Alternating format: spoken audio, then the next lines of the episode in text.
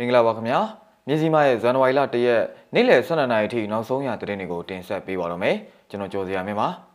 မင်းအောင်လိုင်အပါအဝင်ဆရာနာရှင်ရာဇဝတ်သားတွေကိုနိုင်ငံတကာတရားရုံးတွေမှာတရားစွဲဖို့ပြင်ဆင်နေတယ်လို့ NUG ယာယီတမရပြည်သူကိုအသိပေးတဲ့သတင်း2022ခုနှစ်အတွင်းမြန်မာနိုင်ငံမှာစာနာမှုအကူအညီလိုအပ်သူ14တန်းကျော်နိုင်ကြောင်းကုလခံမှန်းတဲ့သတင်း ဒီမော့ဆိုမှာတိုက်ပွဲပြင်းထန်ခဲ့ပြီးစစ်ကောင်စီတပ်သား30ခန့်ထိခိုက်ဒေဆုံးနိုင်တယ်လို့ KNDF ထုတ်ပြန်တဲ့သတင်းနဲ့ရင်းမပင်စလင်းကြီးရွာပေါင်းစုံတပိတ်စစ်ကြောင်းခြိတက်ဆန္ဒပြတဲ့သတင်းအစရှိတဲ့သတင်းတွေကိုတင်ဆက်ပေးသွားတော့မှာဖြစ်ပါတယ်ခင်ဗျာပထမဆုံးအနေနဲ့မင်းအောင်လှိုင်အပါအဝင်ဆီယနာရှင်ရာဇဝတ်သားတွေကိုနိုင်ငံတကာတရားရုံးတွေမှာတရားစွဲဖို့ပြင်ဆင်နေတယ်လို့ NUG ယာယီတမရပြည်သူကိုအသိပေးတဲ့သတင်းကိုတင်ဆက်ပေးပါမယ်။ ပြည်သူလူထုကိုတပ်ဖြတ်အကြမ်းဖက်လျက်ရှိတဲ့မင်းအောင်လှိုင်အပါအဝင်ဆီယနာရှင်ရာဇဝတ်သားတွေကိုအပြည်ပြည်ဆိုင်ရာတရားစီရင်ပိုင်ခွင့်လက်ခံကျင့်သုံးတဲ့နိုင်ငံတကာတရားရုံးတွေမှာတရားစွဲဆိုဖို့ပြင်ဆင်နေပြီဖြစ်ကြောင်းအမျိုးသားညီညွတ်ရေးအစိုးရ NUG ယာယီတမရဒူဝါလက်ရှိလာကထုတ်ဖော်ပြောဆိုလိုက်ပါတယ်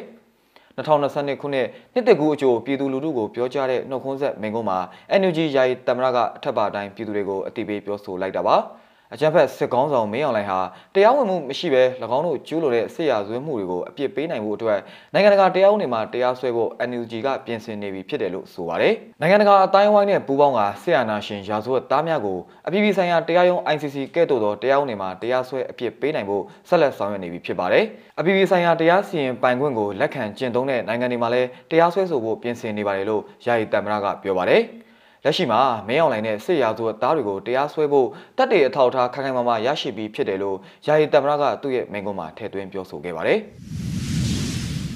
2022ခုနှစ်အတွင်းမြန်မာနိုင်ငံမှာစာနာမှုအကူအညီလိုအပ်သူ14တန်းကျော်နိုင်ကြောင်းကုလခံမှန်းတဲ့သတင်းကိုဆက်လက်တင်ဆက်ပေးပါမယ်။2022ခုနှစ်မှာမြန်မာနိုင်ငံလူဦးရေရဲ့ထက်ဝက်လောက်ဟာဆင်းရဲမွဲတေမှုတွေနဲ့ကြုံရနိုင်ပြီးလေးပုံတစ်ပုံလောက်ရှိတဲ့ခံမှန်းကြီးလူပေါင်း14.4တန်းလောက်ဟာလည်းစာနာမှုအထောက်ပံ့တွေလိုအပ်နိုင်တယ်လို့ကုလသမဂ္ဂပြောကြားလိုက်ပါတယ်။2005ခုနှစ်ကတည်းကဆင်းရဲမွဲတေမှုရောကျလာခဲ့ပေမဲ့2021ခုနှစ်ဖေဖော်ဝါရီလမှာစစ်တပ်ကအာဏာသိမ်းပြီးတဲ့နောက်အခြေအနေတွေဟာဆိုးဝါးလာတာဖြစ်ကြောင်းကုလသမဂ္ဂလူသားချင်းစာနာမှုဆိုင်ရာယုံ OCHA ကတောက်ကြနေမှာထုတ်ပြန်လိုက်တဲ့နှစ်ကုန်သုံးသက်ချက်အစီရင်ခံစာမှာဖော်ပြခဲ့တာပါ အရေးပေါ်အကူအညီလိုအပ်နိုင်တယ်လို့ခံမှန်းထားတဲ့14တန်းကျော်ထဲမှာအမျိုးသမီး9တန်းခွဲလောက်နဲ့ကလေး9တန်းလောက်ပါဝင်ကြောင်းလည်းပြောပါတယ်။တိုင်းနယ်ပြည်ငယ်15ခုအနက်14ခုမှာအာဟာရချို့တဲ့မှုနဲ့ရင်ဆိုင်ရမယ့်အလားအလာတွေရှိနေကြောင်းလည်းဖော်ပြခဲ့တာပါ။ ကိုဗစ်ကပ်ရောဂါကြောင့်တွာလာလှုပ်ရှားမှုတွေကန့်သက်တာလုံခြုံမှုမရှိတာရာသီဥတုဖောက်ပြန်မှုကြောင့်တင်းနံတွေပျက်စီးတာစတာတွေဟာလည်းစားနပ်ရိက္ခာဖူလုံမှုကိုထိခိုက်ခဲ့ရတယ်လို့ပြောပါတယ်။နှစ်တင်မှာလည်းနိုင်ငံရေးအကျက်အသေးတွေနဲ့လုံခြုံရေးပြဿနာတွေဆက်လက်ကြုံတွေ့ရမယ့်အလားအလာတွေရှိနေတယ်လို့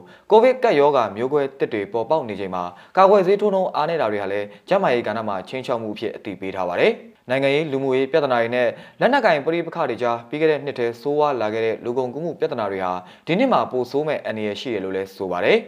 ပရိပခါတွေကြားကလေးတွေနေရစွန့်ခွာရတာတပ်ဖြတ်ခံရတာလူကုန်ကူးတာနဲ့ပရိပခါတွေမှာအတုံးချခံရမှာစိုးရိမ်တယ်လို့လည်းကုလသမဂ္ဂရဲ့နှစ်ချုပ်အစီရင်ခံစာမှာသတိပေးထားပါတယ်ခင်ဗျာ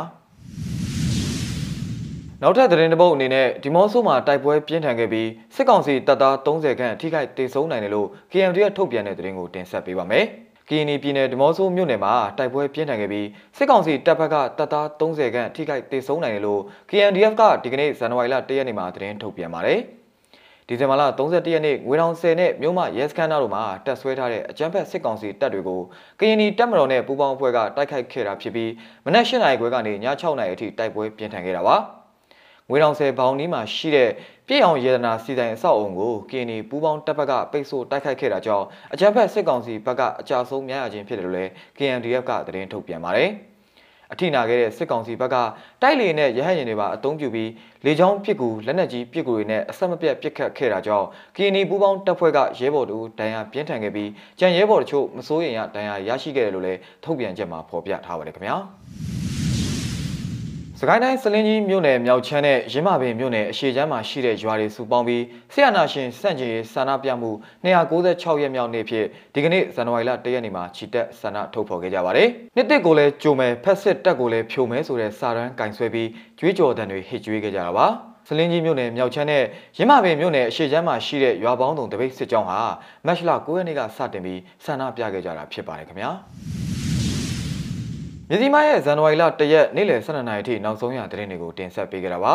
မြန်မာပြည်သူပြည်သားပေါင်းဘေးအန္တရာယ်အမျိုးမျိုးကနေကင်းဝေးကြပါစေခင်ဗျာ။